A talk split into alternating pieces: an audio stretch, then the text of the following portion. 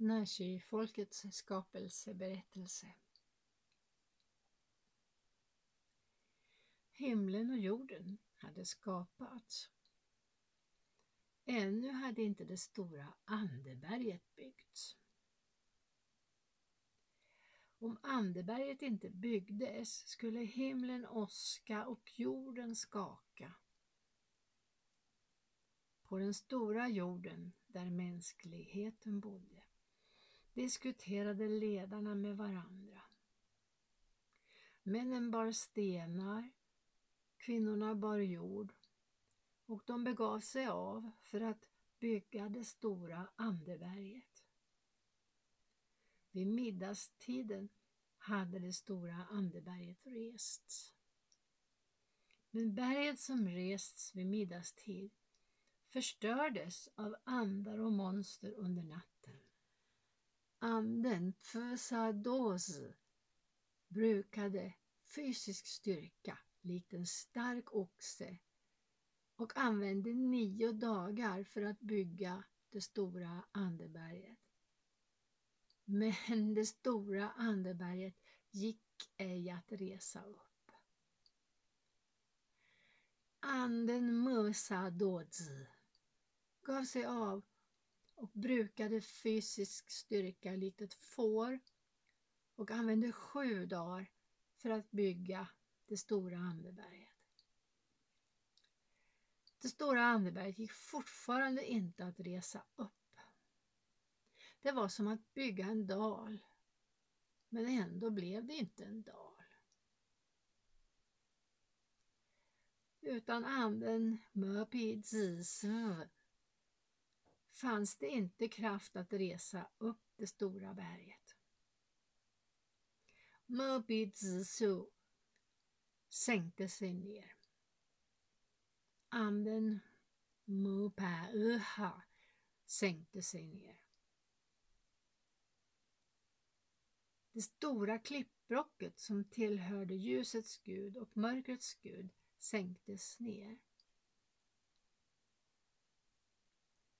Muppi Zisu byggde andeberget med sina händer. Mupa Uha stöttade berget med sina händer. Två sidor av det stora andeberget byggdes av guld och silver. De andra två sidorna byggdes av turkos och svart jade. Andebergets topp omslingrades av dimma.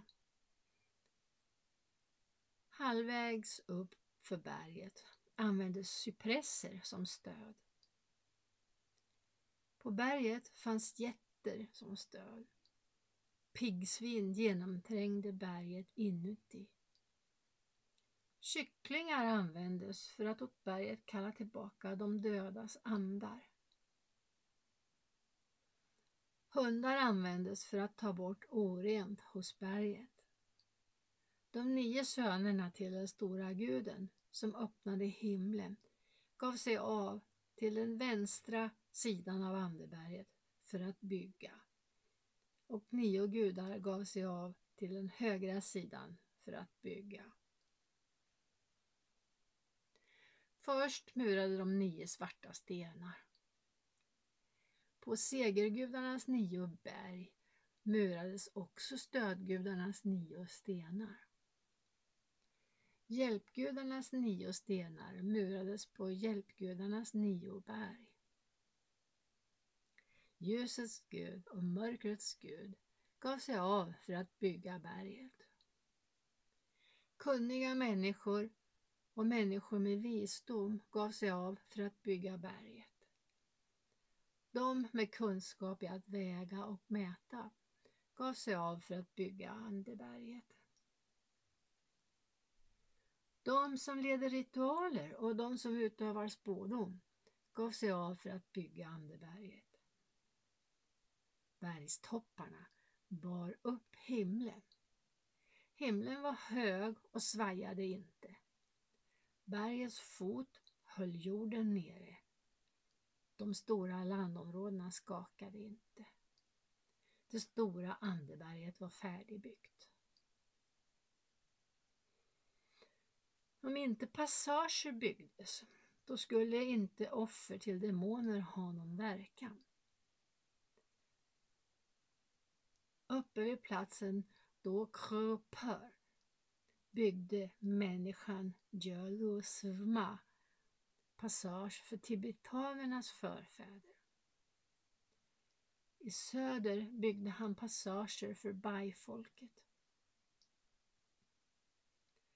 Vid foten av berget Tutuladjö byggdes en genomfart för gudar. En väg byggdes av kunniga människor och människor med visdom. En väg byggdes av ljusets gud och mörkrets gud. En väg byggdes av de som leder ritualer och de som utövar spådom. Till vänster byggdes en passage för vita örnar att flyga igenom och till höger byggdes en passage för svarta örnar. Åtta stigar byggdes i himlen. En kraft lik den hos nio oxar användes för att bygga vägar. En kraft lik den hos sju får användes för att bygga vägar. Ljusets gud och mörkrets gud byggde en passage vid platsen Tutuhuzaku. En passage för röda oxar byggdes på den här sidan där fåglar kvittrade. En passage för gula hästar byggdes på den där sidan där fåglar kvittrade. Träfigurer tillverkades för att kontrollera demoner och för att inte tillåta dem bygga passager. Solsken och månsken lyste på jorden. Nio vita solar blev synliga på himlen. Mycket starkt solsken brände allt som fanns. Människorna led oerhört på grund av hettan. Solsken och månsken lyste på den stora jorden där mänskligheten bodde. Tio dystra vita månar blev också synliga. Kallt sken lyste på jorden. Om natten var det så kallt att det var omöjligt att somna. En morgon lyste solskenet på Silverberget. Silverblommorna på Silverberget vissnade. Silvervattnet på Silverberget sinade. De nio sönerna till den stora guden som öppnade himlen blev inte arga. En morgon lyste solskenet på Guldberget. Guldblommorna på Guldberget vissnade. Guldvattnet på Guldberget sinade. De nio sönerna till den store guden som öppnade himlen sörjde inte över att blommorna vissnat och det smärtade dem inte att vattnet sinat. En morgon lyste solskenet på turkosberget. Turkosblommorna på turkosberget vissnade. Turkosvattnet på turkosberget sinade. De nio sönerna till den stora guden som öppnade himlen sörjde inte över att blommorna vissnat och det smärtade dem inte att vattnet sinat. En morgon lyste solskenet på Juvelberget. Juvelblommorna på Juvelberget vissnade. Juvelvattnet på Juvelberget vissnade. De nio sönerna till den stora guden som öppnade himlen sörjde inte över att blommorna vissnat och det smärtade dem inte att vattnet sinat. En morgon lyste solskenet på det höga berget som tillhör den store guden som öppnade himlen. Blommorna på berget vissnade och vattnet på berget sinade. De nio sönerna till den stora guden som öppnade himlen sörjde över att blommorna vissnat och det smärtade dem att vattnet sinat. En morgon lyste solskenet på berget som tillhör den stora gudinnan som spred ut jorden. Blommorna på berget vissnade och vattnet på berget sinade. De sju döttrarna till den stora gudinnan som spred ut jorden sörjde över att vattnet sinat och det smärtade dem att blommorna vissnat. Marken torkade och hade redan sprickor. Stenarna var heta som om de ville smälta. Vattnet på de skuggiga sluttningarna torkade också. På den stora jorden där mänskligheten bodde fanns det inte längre någon plats för grisar att rulla sig. Hålorna för myrorna att gå in och ut i fanns inte längre. Träden förlorade sin gröna färg. Det gick inte längre att se några skott på träden. På den stora jorden där mänskligheten bodde var floderna uttorkade.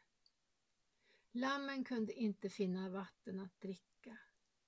De öppnade munnarna och sträckte ut sina torra tungor. Trots att det överallt växte grönt gräs kände sig fåren bara ledsna och rädda. De svarta kycklingarna kunde inte finna vatten att dricka. Med öppna näbbar viftade de med vingar och stjärtar. Trots att det fanns gott om säd kände de svarta kycklingarna sig ändå ledsna och oroliga. De nio sönerna till den stora guden som öppnade himlen och de sju döttrarna till gudinnan som spred ut jorden diskuterade. De ansåg att man borde ge sig av och döda solarna och månarna.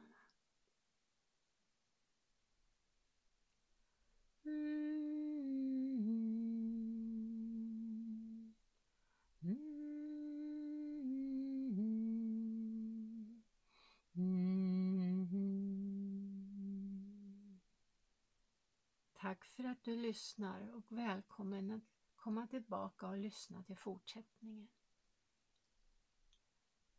Mm.